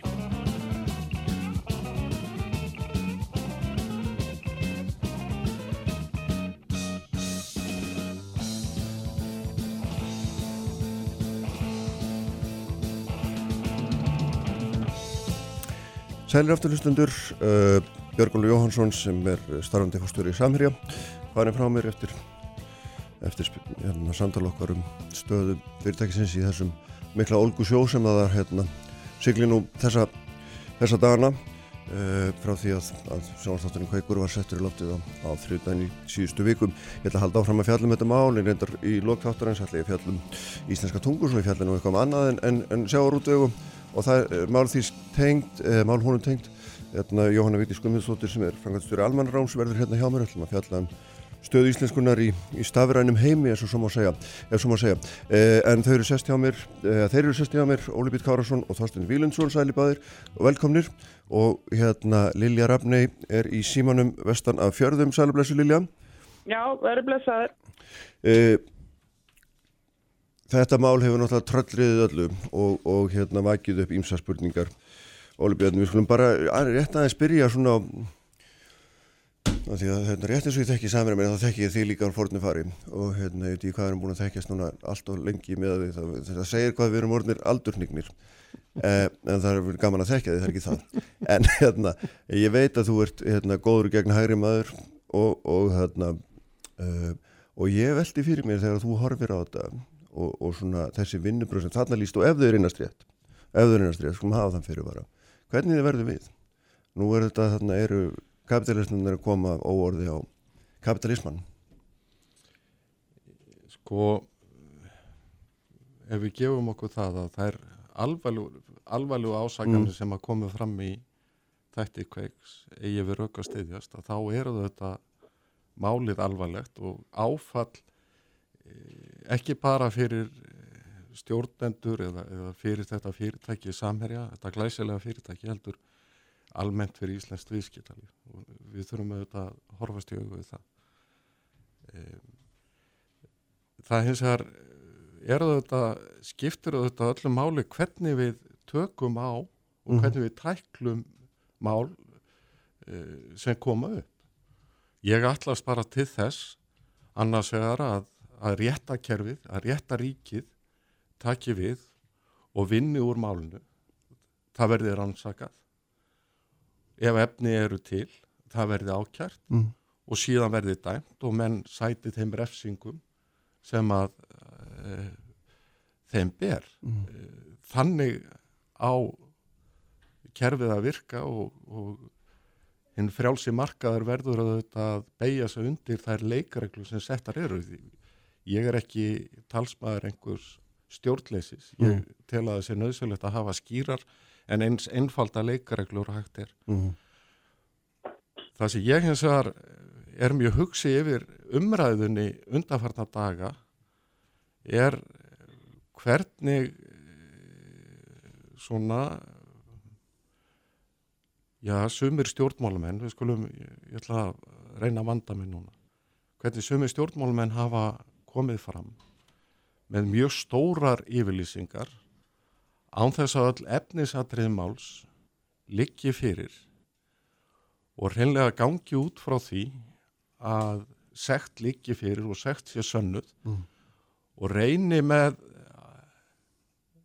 beinu með óbeinum hætti að hafa áhrif á framgangmáls sem að mér finnst óðurlegt. Mér finnst að stjórnmálumenn verði að passa sig þegar að svona mál komi upp að, að með framkomu sinni eða orðum eða gjörðum að hafa ekki áhrif á það hvernig við framkvæmum reglur réttaríkisins að, að, að Stjórnmálamenn hlutist ekki til um dómskerfið, ég- þú ert, ert það er, ég, ég held að sé, þetta er nefnilega vandrata sko. ég held að það er ekkit óðalegt að menn hérna takit til máls og, og hafi skoðunir á því hérna eh, hver, svona almennt hvað eigi að gera en það, menn verða að passa sig að svo svona ímynd teiknist ekki upp að stjórnmálumenn sé að reyna að þrista á ákjæruvaldið eða dómsvaldið að komast af einhver ákveðin niðurstöð. Ég segi bara, ég ætlast til þess að leikreglu réttaríkisins virki, máli verði rannsakað, ég ætlast til þess að forráðamenn samherja uh, gera allt til þess að máli verði upplýst og það verði upplýst að fullu. Það er mikilvægt fyrir þetta fyrirtæki það er mikilvægt fyrir þá einstaklinga sem eiga hlutamáli en það er líka mikilvægt fyrir okkur sem samfélag Mhm. að þetta sé gert með þeim hætti. Og það verður, það er svona prósteitn á það að allt okkar kerfi virki með þeim hætti sem við ætlumst til Mhm. Þorsteinn Já, ég held að sé nú ekkert fyrðulegt að, að ímsir taki stert til orða í, í þessu máli. Það er þetta alveg- rétt, Byrni, það hlýtur að vera að... förðulegt þósteinn að, að þingmenn komið fram og krefjast þess að eignir fyrirtæk séu fristar. Að, að í rauninni sé bara lokað hérna, fyrirtækinu Það var, ekki, það, var, það er nú ekki það sem að þingmaðurinn sko, hérna, ég kanna þannig sérstaklega, það er nú ekki það sem hún voru að byggja með þetta vísi í helguvölu að Já. fyrirtækinu veri lokað Nei, ég meina, Nei. hvað, hvað þýður að frista eignir hún getur frist eignir að hluta ef það Já, skipta hluta, máli það í er bara rannsók frista það eignir er fyrirtækisins það er- þýðir auðvitað að það er það er verið að stjórnvaldsins að gera það ekki þingsins að sjálfsögðu Já, já. Já. Já, já, en Já. það er ekki þingmann að krefjast þess að það sé beitt þeim aðferðum sem að er verið að leggja til. Það er e, héraðsaksóknari sem fer með rannsókn efnaðasbrota og það er ákjæruvaldsins og domstóla að taka það ákvörðun og það er ekki hlutverk þingmann að reyna að þrýsta á um einhverja ákvara málsmeðferð. Þingmenn, lögjafinn og, og fjárveitingavaldið á að tryggja það að ákjæruvaldið og domstólar hafi alla þá burði sem þeir þurfa til að sinna sínum verkefnum. Það það sem já nú við er bara, er, við skulum ekki vera að drepa þessu máli heldur og dreif, við vitum alveg að, að jú, getur mist út úr sér eitthvað stórurði en þingmaður í stjórnarnarstöðu hefur ekkit um það að segja hvernig ákjæruvaldið nálgast málið eða hvaða ákvarðanir eru teknir eða ekki teknir á þeim vettvangi. Og það blessunulega er bara eins og réttakerfið okkar virkar. Mm þar er uh, sjálfstætt sjálfstæður saksóknir á, á, á ferðinu og stýrir þetta förum það hvernig hann háttar rannsókn og, og hvaða viðurlögum hann, hann Þá skulum fram á teljan brotið Og við erum þá að virða það sjálfstæði. Málið hér snýst uh, ekki um orð þingmanna um uh, meintar mútugreislur samverja heldur einmitt um meintar mútugreislur samverja og það er auðvitað það sem við eigum að vera að horfa á. Og þetta er auðvitað mjög sláandi að, að sjá þetta og enn og aftur með þeim fyrir vara auðvitað hafa menn ekki verið sakveldir fyrir neitt en þá en þetta eru uh, mjög uh, þetta er mjög ítaleg umfjöllun. Uh, færð mjög sannfærandi rökum allavega um hreinar einfaldar hreinar mútugreislur hafa verið að ræða til þess að, að, að, fá veiði heimildir í Namibíu. Og það eru þetta bara áfall fyrir Íslands atvinnulíf að, að eitt stærsta fyrirtæki landsins eh, hafi orðið uppvist að, að slíkri starfsemi og en ég tek heilsugur undir nú fer bara málið sinn veg í, í, í rannsók það þarf að tryggja þá líka að hér að saksóknir í skattaræksundastjóri og aðrir þar til bærir aðeinar hafi bólmagn til þess að rannsaka mál af því umfangi sem þarna er mögulegum að ræða. Uh, þar hefur ítrekka verið kallað eftir auknu fjármagni. Uh, stjórn og meirhlutin feldi breytingatillu í annar umræðu fjárlega um að, að veita auknum fjö inn í þessi embætti. Uh, beilinist til þess að takast á við, við þessa rannsókn en uh, fjármálar á þeirra hefur fullirt og dómsmálar á þeirra minnum við líka mm. að það verði tryggt nægilegt fjármagn og við þurfum auðvitað að fylgjast með því að svo verði gert því að uh, ég segi það bara fullum fettum, maður hefur áhugjur af þessu líka bara varðandi hversu börðu þessu embetti eru til þess að sinna uh, rannsókn og eftirliti með mögulegum brotum sem þessum. Þau hafa ítrekka kvartaði við því að, að umfang starfsemið er að fjöldi mála og svo frammiði sem mun meiri heldur en að fjármækt sem veitt til embettina til að sinna. Skemst að hafa í huga bara að revja upp þegar að, að sérstakur saksóknir á sínum tíma upplýstið að hann teldi að fjölga þyrti stöðugildum hjá sér úr 110 í 150 það verið árið 2013 og 2014 til þess að ljúka þeirri rannsókn, eða þeim rannsóknum sem í gangi voru og niðurst að þings á þeim tíma var að skera niður fjárframlög til sérstaklega þannig að það þurfti að fækka og það var gert að fækka niður í, í 70 starfsmenn mm. þannig að það er full ástæði til þess að fylgjast vandlega með því að þessi ennbætti fái mm. það fjármagn sem þau þurfi til þess að, að, að þetta er augljóslega viða mikið mál og krefst ítalegar rannsóknar. Þetta er ekki mm. bara þessar mútugreislur heldur auðvitað líka eins og fjalla var hér um í samtaliðinu við, við Björgúl áðan að, að þarna er viðfemt net aflandsfélaga sem er full ástæða greinlega til þess að kafa ofan í uh, hvaða tilgangi þjóna og hvort að það séu uh, möguleg skatta undan sko til dæmis á, á ferðinni. Mm -hmm. Lilja, hvernig slóðu þetta þig? Þetta sló mig bara mjög illa og mér finnst þetta, þetta bara algjörlega forkastanlegt ef rétt reynist að þetta stæðsta íslenska sjárótusfyrirtæki sem hefur þetta mikil umsvið hér heima og með fjöldan allan af fólki í vinnu sem tristir á heiðarleika þessa fyrirtækis. Það haga sér með þessum hætti í þessum fátakaríki og er með allskins aflandsfélag og krókaleðir til að fjela fjö í peningatvætti og skattaskjólum að þetta setur þetta ekki bara óorð á þetta fyrirtæki ef rétt reynist heldur líka okkur sem þjóð sem við höfum verið að reyna að aðstofa fátak ríkis og namibíu í þróunar aðstof með ýmsum hætti að við eða okkar fyrirtæki sem við tölum um okkar er velgengur, við kannski gerum það ekki ef þetta reynist rétt að hægi sér svona með þessum hætti og auðvitað verður við að treysta okkar embættum, saksóknar og, og nú skattararsóknarstjóra til þess að rannsaka þetta til lítar og við sjáum að það eru þetta rannsóknir annar staður eins og í Namibíu og eh, í Nóri í þeim bankar þar sem menn höfðu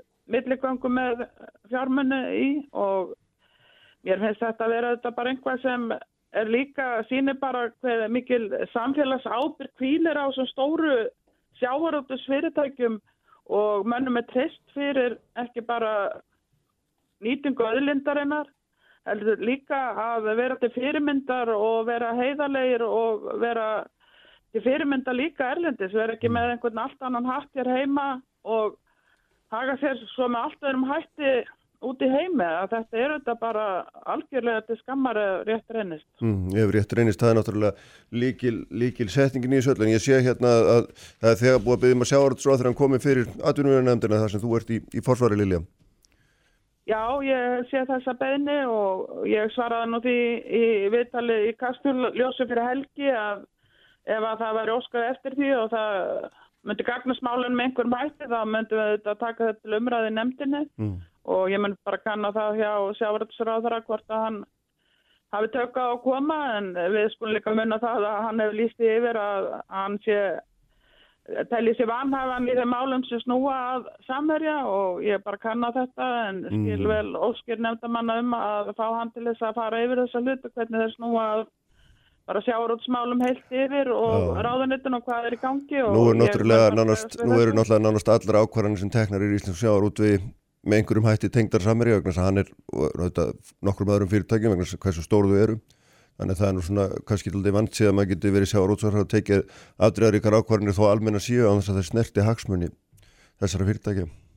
Já það er auðvitað þessi þróun sem ég hef lengi talað gegn og fleiri þessi mikla samþjöpun í íslensku sjávarútvegi að hún er auðvitað orðin það mikil að maður hefur miklar áhyggjur að því þegar þessi stóru fyrirtæki hafa þessi miklu, er orðið ríki ríkinu og, og miklu undirtök í íslensku atvinnulífi heilt yfir að ég tel það ekki vera til góðs og, og það þarf þetta bara að kanna þessi egnatennsla hægri vinstri í íslensku sjávarútveri og mm. út um heim að, að við höfum okkar lögum það að það með ekki vera nema ákveð hlutfall í nýtingu aflaheimilda aflamark og, og þetta þarf bara að skoða og ég vona það að vera gert í mm framald að þessu máli að þetta er auðvitað ekki gott fyrir heilbritt aðunulíf þegar að svona auðlindir og, og nýting þeirra sapnast að fara á hendur. Þú leikur þetta ágætlega fyrir í sjálf og sér uh, kjarnin meðal annars teiknað ágætlega upp þessu miklu samþjöppun sem hefur orðið og, og uh, nú er, er, er þú í ríkistjórnlilir að neðan að það er kannski eftir að breyðast eitthvað við en við vitum til dæmis að uh, samherji heldur raun og veru á 16% aflamarks í gegnum þá uh, samherja útgerðarfélag aðgóreringa hérna síldavisluna, þannig er helmingsluti í síldavislunni og, og meðal hann kom ágætlega fram í þessum gögnum Quakes að, að samherji kynir síldavisluna sem bara hluta af sinni samstæðu kakvært viðskiptöðunum mm. erlendis mm -hmm.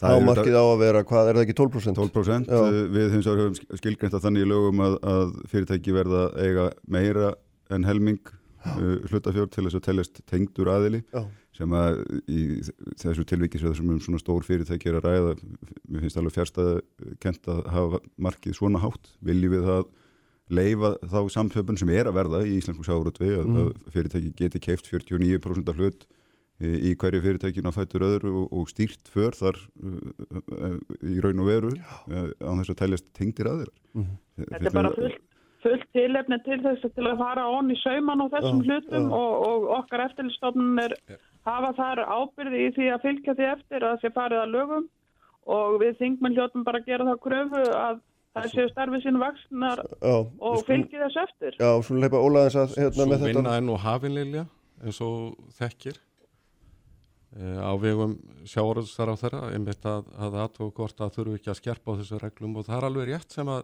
Um eignarhaldið? Já, eða sem sagt um hvað telst líka tengdir aðilar. Mm -hmm. Svo skilgarinn og það eru skilgreiningar eru mismunandi eftir hvaða lög við erum að tala um er, og það er, það er vissulega brótálum þarna og, og það er að vísu þannig að, að sko eftir því sem að já við getum sagt að eignarhald er dreifðara því minni hlut þarf þú í rauninni að eiga til þess að vera ráðandi í fyrirtækinu. Að til dæmis að það eru 10.000 hluthafar sem eiga jafnan hlut en síðan eitt sem að á kannski 25-30% þá er hann, kannski, hann för, já, já. þannig að, að þessi skilgreiningum að það sé bara ef þú ferði við 50% mm -hmm. hún er nú kannski bara virkar ekki í, praxis en, en lögin eru svona og menn hafa nýtt sér þau og ég held að það er ekki út af þessu sem að menn eh, hérna þessu máli, samherjamáli og þessu ömbulega máli í Namibíu sem að menn þurfa að skoða eh, skilgreiningu hvað eru tengdir aðal og hvað ekki mm. eh, hvort að menn eru hérna komnir hvort að samtjöpunni sjávarúti hér á Íslandi sé orðin og mikil það er alveg sjálfstætt verkefni og, og fullt tilefni til og hefur en, verið nokkuð En arðurinn sem er undirstaða útrásarinnar og uppbyggingarinnar hann verður til úr þessari sameilu öðlinn þar sem við höfum hortað þessa samþjöpun gerast já, en, með gloppóttulögum eins og þú sjálfur lýsir og í einhverju andvaraleysi. Og ekki, ekki gert nokkur skapaðan hlut við mm -hmm. það er sko já þið megin nú passið ykkur núna að það er alveg ljóst og það var mátti öllum vera ljóst að þegar að kvótakerfið er innlegt og ég tala um þegar að vinstri stjórn uh, leiði hér frjálst framsal að þá yrði ákveðin samþjöpun og þessi samþjöpun hefur auðvitað leitt til þess að við höfum, ef maður segja eignast eða fengið hér, mm. miklu öfluri sjáruðsfyrirtæki heldur en áður, miklu glæsilegri fyrirtæki sem er á, mm -hmm. á heimsvísu til fyrirmyndar og hafa til dæmis verið eh, undirstaðan undir það að hér hafa líka blómstrað hér hátæknir fyrirtæki hvort heldur mm -hmm. það eru marilega trýregs og svo framvegist þannig að þetta er ekki alveg vega ekki hérna, fara alveg fram úr sjálf Þetta feist mér alltaf sko, þessar umröður er mm. alltaf dreipið og dreifið nákvæmlega með þessum rökum sjávarútvörun er svo stöndu og flott aðrunugrein og það er rétt, mm -hmm. sjávarútvörun er það á heimsvísu uh, kvótakerfið sem slíkt hefur virkað einmitt nákvæmlega með þeim hætti sem þið var ætlað að virka, að tryggja hagraðingu í greininni, eh, bætta ákomu öfluri fyrirtæki. Það er engin að tala um að afnema fiskveðistjórnarkerfið á Íslandi. Það er talað um það hvernig eins og við útlutum þessum veiðuheimildum og hvaða gjald eða hvernig ja, þjóðin fái hérna hluteld mm. í arðinum uh, sem að ítrekkað hefur verið barist gegn og horfum bara til þess að alþengi skipaði þverrpolítiska auðlindanemnd uh, árið 1998 sem skilaði mjög aftráttalösum tilögum um það að það þurft að tímabinda veiði heimildir og það þurft að útluta þeim gegn gjaldi. Og þetta höfum við kallað í viðreist markasleið í sjávarútu við þar sem við einfallega bjóðum út uh, veiði heimildir mm -hmm. til tiltekins árafjöldaði senn 15-20 ára. Leð mér að klára áli því að uh, þarna erum við þá bara með einfaldri skýrri markasleið að láta greinina sjálfa verðleggja virði heimildana, mm -hmm. virði nýtingaréttarins sem að í, á næsta ári er áallega að skilja ríkisvöðu 5 miljardum sem er ámúta mikið og kostar okkur að reyka hafrásundotofnun og, og, og, og fiskistofu og hérna, eh, nöðsynlega stóðþjónustu við meðal hans út við inn. Ég held, bara svo við förum bara beint í þá umræða þá líka því að það er að tala um ekki blanda þessum málum saman, það er að segja þessum næmibíu máli samherja og þá eh, veiðilega umræðinni. Þetta sýnir bara nákvæmlega fyrir það fyrsta að stjórnmálamenn eiga ekki að vera með puttan í því hvernig þessu er útlutað eða hvaða gjald er tekið sem við erum að gera á hverjum degi í dag í gegnum þingið með því ákvaða hvernig veiði göldin, mm -hmm. skuli reknuð uh, öðrulegi greinin greinilega meðal annars þarna er tilbúin að borga um þess að það er að verð fyrir aflaheimildir heldur hún er að gera hér. Mm -hmm. og það lítur að vekja upp þar spurningar af hverju höfum við þverskallast við að taka á þessu? Eru að vera með hérna, 20 ára gamla skýslu ítrekka komið fram aftur og aftur þessu sömu hugmyndir. Mm -hmm. og menn hafa ítrekka bent meðal annars að við segjum raunverulega í þeirri hættu að það skapist eignaréttur útgerðarinnar á þessum veiðu heimildum í gegnum hefð. Eldur hann sé nú ekki, er hann ekki laungorinn til? Já, það er hérna þá spyr maður sig af hverju vilja stjórnmálamenn ekki taka á þessu og tryggja það með við fáum ekki umræðina Þú þú ert uppbyggin að þessari svo kallega, já ég menna það bara í þessari svo kallega markasleir það týður að þetta ef að markaðurinn á að virka þá afnumur þetta hámast hlutdelt í kvótanum það er engin, engin Jú, næ, þá ertu auðvitað að fara inn að stýra markaðum hvaða vittlis er, er nei, þetta Þorstein, verður rólegur það er ekkert aðtöðvertu það að vera ekki vera æsast ekki vera æsast Rómokunir, það myndi vinna gegn markasliðinni við skulum hleypa Liljað, gjör svo vel. Já, já, það er greinlega orðin hanaslagur á hólið þarna hjá okkur Nei, menn eru bara að skiptast á skoðunum raugraðan Já, já, þeir eru að gera það drengirnir. En það sem ég hef sagt lengi og, og segja enn að sko, ég er auðvitað alltaf um staðheldur en þeir eru báðir tver kannski í þessum málum og verandi þessa ríkistjórn og það er þetta algjörlega legi fyrir að skoðanur okkar vinstir græna í því hvernig þessari sjáaröðlind eigi að vera útdelt er auðvitað með alltaf um hætti heldur en sjálfstæðslokksins, það likur alveg fyrir og, og alltaf um hætti heldur um viðræðsnar en við höfum þetta ekki, ekki aftur bólmakt til þess að það er að breyta sjáurútuskerfinni í þessari ríkistjórn og það er alltaf leiði fyrir. En er þetta mál, getur það orðið kveikja því að þið gerir það eða hvað? Já, við höfum bara okkar stefni þessum málum í okkar landsfundarsamþyktum og stefnuflokksins og við mhm. viljum útdeila þessu nú auðlind með þeim hætt að við horfum til byggða sjónamiða og tengjum að afla nú, ætlið, spurningin er raun og verið þessi hvort þið ætlið þá að ganga harðar eftir því að ykkar sjónamið verði fyllt Já, hvort... við munum auðvitað að gera það þá við vitum að það er ekki stjórnarsáttmálanum að gjör bylta nú fiskveistjórnakerfinu mm. við höfum ekki bólmakt til að gera það í þessar ríkistjórn en þetta sýnir bara það að þegar peningaöflin ráða för hvort sem eru uppbósleið eða frjálsu framsali þá er þetta að auðlindi sapnast á fára hendur þar sem peningar eru fyrir gott aðgengi í bankakerfinu eins og hjá þessu stóru sem hafa sópa til þessin aflaheimildum í krafti peninga, hvort sem er namibjöðu hér á Íslandi, að þá er þetta bara kapitalismin í framkvæmt. Mm -hmm. Hann virkar svona og þess vegna á að nú deila þessu öðlind á félagslegum grunni, horfa til byggða sjónamiða og að nýliðun í sjávrútu geta átt sér stað og byggðirnar hafi möguleika á að fara út í nú nýtingu sinna öðlinda sem er við bæjadirnar en ekki það sé undir þessum stóru komið að kaupa aflæðimildur og uppsprengtu verði. Þetta er bara umræða sem alltaf á rétt á sér. Ég ætla, hérna, við skulum aðeins samt hérna, Ólbjörn, náttúrulega aðeins að fara frá þessu vegna sem við komumst ekki lengra í sjálfu sér í þessu, við þekkjum þessu rauk öll fram og tilbaka, en sko það sem er eitt sem ég langar að nefna við þig og ykkur öll, er náttúrulega þetta, þetta hérna, það er eitt er þessar myndum útur og skulum bara kalla það myndar því ég veit auðvitað ekki um þetta þannig meirinn það sem eru séð, en það er náttúrulega líkur alveg fyrir að þetta alþjóðlega stór fyrirtæki eins og það er, er með þessa runu af aflandsfélugum mm -hmm. og þarna og, og félög í skattaskjólum og, og tilkvæmst er maður með fél í skattaskjólum nema til þess að skíla fél fyrir skatti og, og þarna þessi þróun sem að sko það verið að fóðra þarna einhverja skeppnu sem að allur heimurinn er í grunninn ósamála því að eigi að vera til og hvernig lítur á þetta? Já, sko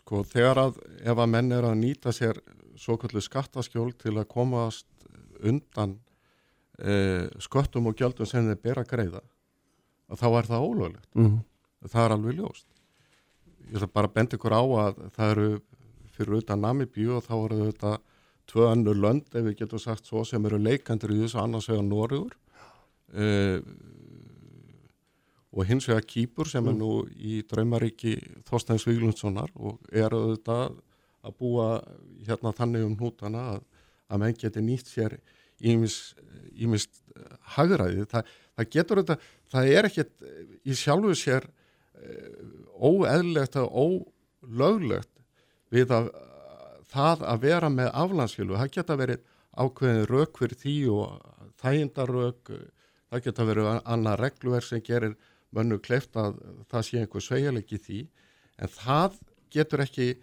verið rauk eða réttlæting fyrir því að menn komi sér undan réttmætum, gjöldum, mm -hmm. sköttum í heimaríki sínu. Það, það er ólíðandi og gegn því höfum við verið að vinna og alþjóða samfélagi hefur verið að vinna.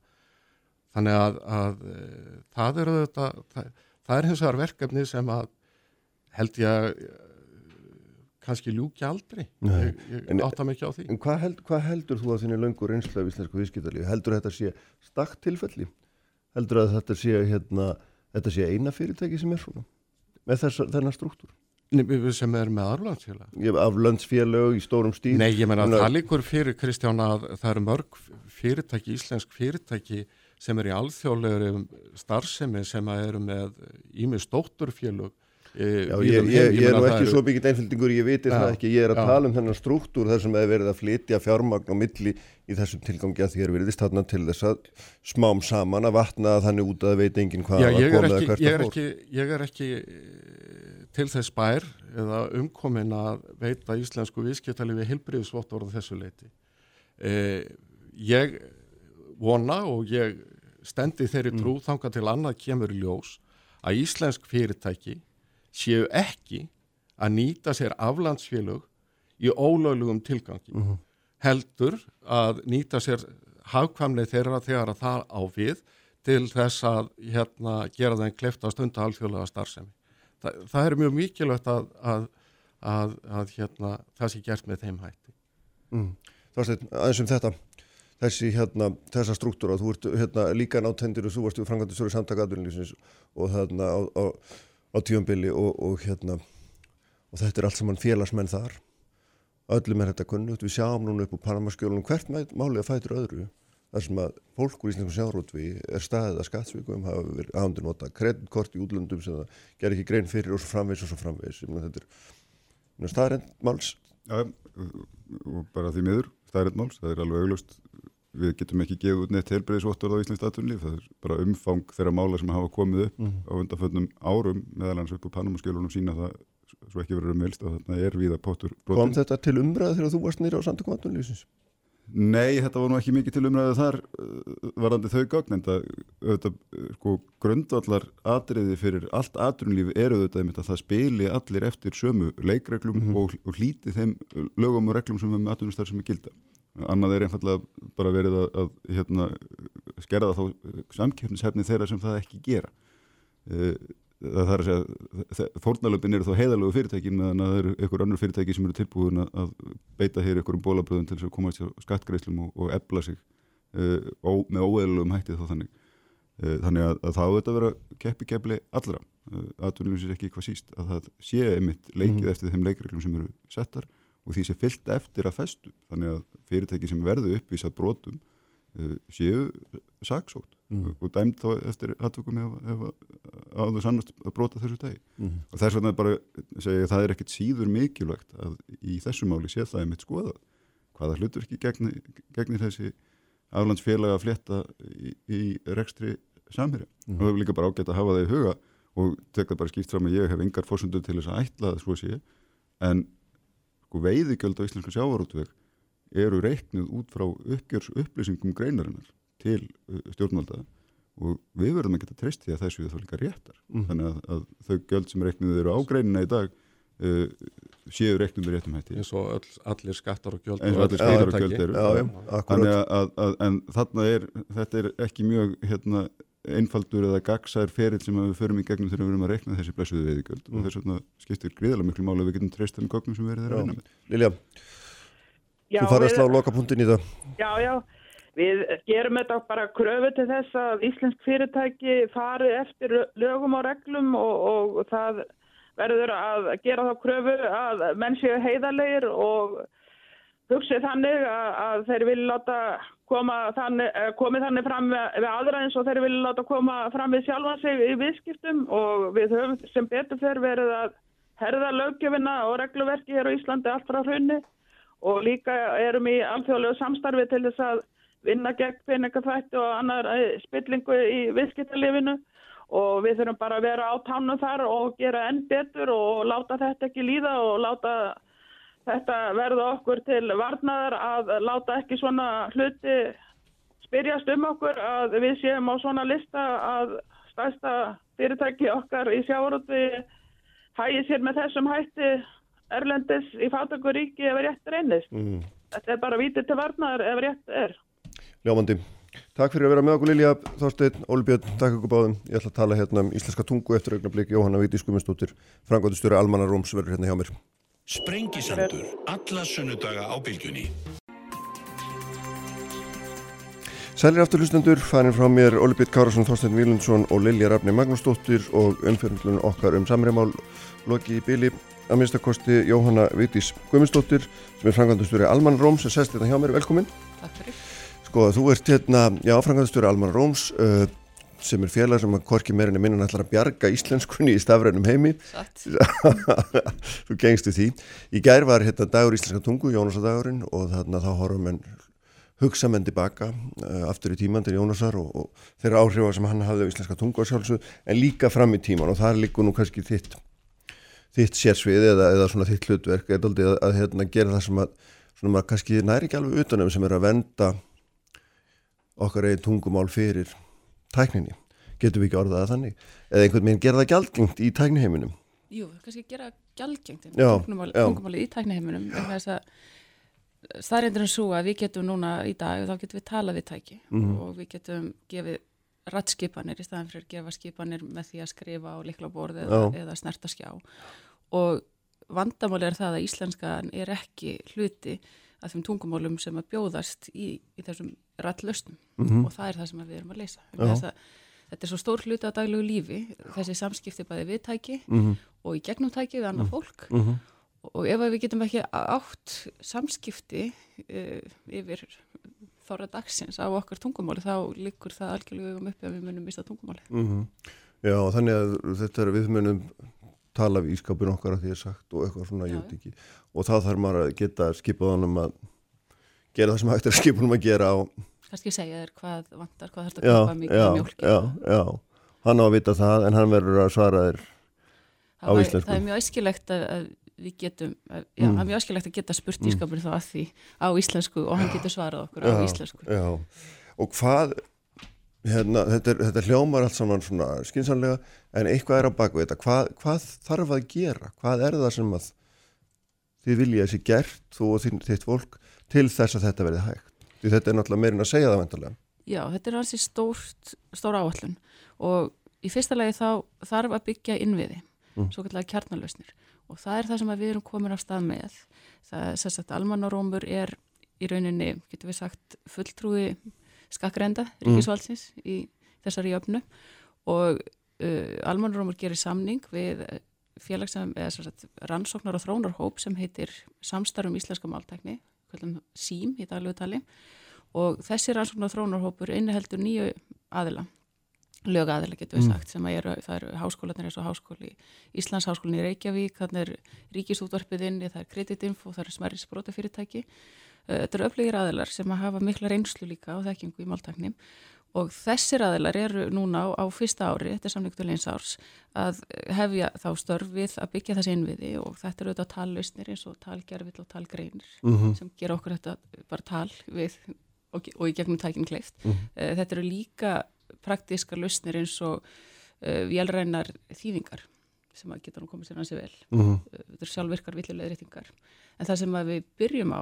það sem að þau byrja á núna fyrsta ári og skiptir langmæstu máli það er gagnasöfnun þannig að allar máltækni lausnir það er byggja á gögnum og við verðum að hafa gögn um tungumálið og geta tilrikt tungumálið á, á formi sem að tölfur skilja mm -hmm. og geta lesið matreitt og það er það sem við erum að einbjöta okkur að þetta núna fyrsta ári. Við settum í eh, af stað söfnun um, ratta Íslendinga uh, á vefnum samarómar.is mm -hmm. og vorum í gær með marathónlestur á degi íslenskar tungu. Uh, íslenski rítöfundar uh, hafa gefið í rauninni svona hluta sínum handrítum hérna inn og gagnagrunurinn virkar þannig að svolítið flóki, ég skal reyna útskýra þetta á einfaldan hátt. Þú fer inn á samrúmur.is og þú setur inn ykkur að lífræðilegur upplýsingar, þú ert karlmaður á besta aldri Já. með íslensku sem móðmál og setur þær upplýsingar inn mm -hmm. og svo ítur að lesa og, og þá kemur setningu upp sem er handahúskend, mm -hmm. veit upp úr þessu garnagrunni. Uh -huh. Þú lest hana inn og sendir hana inn og þarna er það komið textabútur og lesinbútur þetta skiptir mjög miklu máli mm -hmm. fyrir okkur að hafa og sem mest af þessu og við erum að vinna þetta og þetta byrjaði sem í rauninni nefndaverkefni síðasta vor sem við höfum mm -hmm. verið að vinna með Deloitte og, og, og, og þú segir þetta skiptir miklu máli skýru það fyrir mig af hverju vegna þess að við þurfum svo mikið af gögnum reynlega til þess að geta þjálfað um, máltækni hugbúnað í, no. því í því að skilja íslensku við þurfum mm -hmm. íslensku mhm. að hvað miklu leiti er þetta tungumál að vinna, getur maður sagt að maður getur orðað þannig og að hvað miklu leiti er þetta síðan tækni vinna? Eða er, er... Þetta, það er mjög skemmtilegt að þetta blandast algjörlega saman Já. og máltækni er ofsalega breytt sérsvið mm -hmm. innan sím eru við sérfræðingar sem eru ofsalega, ofsalega góðir í uh, tölvunafræði og í ýmsum sérsviðum þar innan mm -hmm. innan tölvunafræði og svo allt út í auðvitað, íslensku og íslensk málvesindi mm -hmm og þetta, þetta blandast allt saman Já, en sérstu, bara svo ég reyna að skilja þetta eru er við að þróa hugbúnaðalustnir inn í einhver, einhver kerfi sem fyrir eru að halva þessara stóru fyrirtækja sem er Apple og þessi, þessi fyrirtæki sem er að vinna eða er eitthvað kleift að nota tölfur eru við að þróa ón á þetta bara Þetta er mjög góð spurning. Sko þessir innviðir sem við erum að byrja á núna, þetta mm. er grunnurinn að öllu. Mm. Þegar þeir eru tilbúinir þá eru þeir opnir fyrir alla og í rauninni eru bara opnir um leið og eitthvað er tilbúið og þá sagt, skila þeir sem að smíða þetta og, og þróa þetta skila því inn til miðstofar sem heitir Klarin og þeir, þessir innviðir eru notað til að búa til lausni fyrir neytandamarkað. Mm -hmm. Þá geta í rauninni fyrirtæki, frumkvælar, stofnanir, einstaklingar, líka alþjóðlega fyrirtæki tekið þetta og sett inn í sína lausnir. Mm -hmm. Hvort sem að það er sími eða ískapur eða bíl uh -huh. eða bara vefsíða, mm. vefsíða banka. Já, já og þetta er ákveðið líki latrið vegna þess að það sem að kemur út úr þessu uh, það er allt sem að gefið út undir ofnum leifum og það þýðir í rauninni að hver sem er getur tekið þetta mm -hmm. og nýtt þetta mm -hmm. og það er líka í rauninni með hagnýtingar leifi þannig að fyrirtæki geta ef að þau vilja þróa eitthvað og byggja á þessu þá geta þau gert það mm -hmm. og þau geta þróað eitthvað og þau geta selta öðru fyrirtæki Þetta hljómardóldi svona Uh, svona geimisindalegt í mínum huga en hérna, ég veit það ekki Við setjum svo einfalt Já, gott og vel þetta, ég trúi líka að sé það þegar maður bara svona er að hugsa um þetta kannski ekki alveg fyrsta skipti er svona eitt af þeim fyrstu þá finnst maður þetta svona og, og, og ég meina þar sem að síðan sko sem maður bara skilir þetta síðan kemur eitthvað fyrirtæki og það þróar hérna þróar högbúna til þess að láta einhver tæki tala við okkur leggur Setur. það on á Já. leggur það on á einhvern högbúna sem fyrir er í tölvu og hérna og það verður hluti af kerfin í tölvunni sem sagt Já, þú, þú getur nýtt þessar lausnir, getur nýtt þessar innviði mm -hmm. inn í það sem að mm -hmm. þú vilt smíða sem mm -hmm. bara fyrir umkvöld. En er, erum við svona, að því að maður er oft hægt að tala með þetta, þegar tækinn fara að tala við okkur það verður að geta að tala íslensku. Skiptir þetta svona miklu máli? Já, mér finnst þetta að skipta mjög miklu máli. Já. Ég er algjörlega á því að tungumáli skiptir greiðlega miklu máli fyrir sjálfsmynd okkar. Og ef við missum Já, tungumáli þá bara missum við hluta. En, en er það alveg ljóst að það fer ef við getum ekki talað við tæki? Það verður verður ekkit sérstaklega burðuðögt tungumál sem við tölum ef við förum að blanda þessu saman ef við, ef við erum alltaf í rauninni að blanda saman tungumálum allan daginn þá, þá veikist það Þannig að framtíðamyndin er svolítið svo í ykkar huga að við séum í svona miklum samskiptum við and, andlitslaus hérna, og sálalus tæki. Við erum það nú þegar. Við bara gerum okkur kannski ekki alveg grein fyrir því og, og það verður bara meira, það er algjörlega ljóst vegna það er, það er langa eðlilegast í samskiptamáti mannsins mm -hmm. að nota röttina Já. og ef við getum nota röttina mm -hmm. okkur er bara eðlislegt að gera það sem er auðvaldast það er auðvaldast að nota röttina ef við getum nota röttina þá munum við gera það. Já. það er engin spurning, það vilur ég að það er engin að skrifa liklaborði ef hann getur nota röttina Nei, akkurat, ef við ekki hérna gera östu klíð og þarna koma aftur eftir, eftir Sprengisandur á bylgjunni. Uppspretta frétta á Sprengisandi á bylgjunni. Sælir afturlustendur, við erum hérna á loka-loka sprettinum á Sprengisandunum þennan sundarsmorgunin Jóhanna Vítis Gummistóttir er hérna hjá mér frangatastöri Almanna Róms. Við erum að fjalla um framtíð tungumálsins sem við stöndum hér og, og sitjum og tölum í þessum svona stafræna heimi tækninar sem að hérna, verður nú æ áleitnari sem er orðið þetta nú eins og meðaldra maður sem ekkert skilur en það er nú ekki alveg þannig. Hérna sko eitt af því sem er alltaf svona mjög mikilvægt í þessu er auðvitað einsleitni versus fjölbreytni. Það er að segja hérna og maður sér þetta auðvitað í allri afþreyingum að það er, hún verður æg meira á einu tungumáli. Það er, ég held að hérna ég held að sjá það allir flestar bíómyndir sem þú sér það almenna veitum eru á ennsku flesti sjónvartættir eru á ennsku þetta er allt hérna, svo, svo yfirgnefandi að það nennir engin að kveika á þýskum sjónvarsætti að því að bara, ó þetta er á þýsku e, og svo framvegið sko. Og þetta er alltaf hvað svona er það ekki einhver tilrönd til þess að spilna gegn þessum ströymi eða hvað? Einnig, jú, sannarlega og það er alveg rétt að neysla afþreyingarefnis fyrir að mestu fram á ennsku mm -hmm. og ég hef meira að segja heyrt það eitthvað staðar að sumum finnist skrítið að horfa á afþreyingarefni til dæmis sjóastætti það sem töluð er íslenska eða eitthvað annað tungumál heldur en ennska vegna þess mm. að fólk er svo vandi Já. að ennska mm. sé tungumálið, tungumál affræðingarinnar en þarna er, hægt að spyrna við fótum líka bara með því að framleiða hákjæða affræðingar efni mm. á íslensku Já. og það er auðvitað gert mm. það skiptir miklu máli en, og þetta er vani, fólk náttúrulega venst ímsu uh, rauntíma þýðingar á affræðingarefni uh, er alveg ákveðin raunveruleiki sem að gæti sagt, orðið hluti af þessum máltækni lausnum mm -hmm. Og þá er það í rauninni er það? þá, þá gætur þau, já svona gætur maður hugsa sér að hægt væri að hafa rauntíma þýðingu á tali sagt, á þessa mm aftreyingarefni á skjánum já. og það er eitthvað sem er ekki svo fjari lagi að sé hægt að gera mm þannig að það eru ímsar það eru og leiðir sem að máltæknum býður mm. til þess að spórna við því að svona, þessu, þessu allræði kannski eins takja tungumála Já, við erum að tala hérna og þú er talað um mikla áætlur við þurfum að verja þetta tölvöld miklum peningum Jú, er það ekki? Það passar Hva, hva, Hvað er við að tala um svona, hvers, hversu mikið er umfangið einhver næstu árin? Uh, það sem að það fjármang sem er sett í kjarnalösnindar núna uh, eru 1,3 miljardar rúmir mm. og, en í heildina litið þá hljóðar þessi áætlan upp á rúma 2 miljardar Mm -hmm. og, og hvaðna er það langt? Það er þá hort til líka framlags eh, sem sagt hérna úr atvinnulífinu, mhm. ákveðins mm. mótframlag sem að kemur við eh, þá styrki sem að fólk fengi úr tæknithrónusjóðu um áltækni mm. en þetta er á fjóra ári tímabili Þannig við erum að tala um að setja þetta einhverja 2 miljard á, fjór, á fjórum árum. Já. Já. Og, þau, og hvað ætlar að vera búið með mikið eftir fjóður ár? Við ætlum að vera að koma með nótafar afurðir, mm. uh, nótafar kjarnalustnir, talgreini, talgerfil, vélrannar þýðingar, sjálfverkar, mm. villulegurreitingar. Og þessu miður öllu saman? Þessu miður alveg öllu saman ágætlega. Já.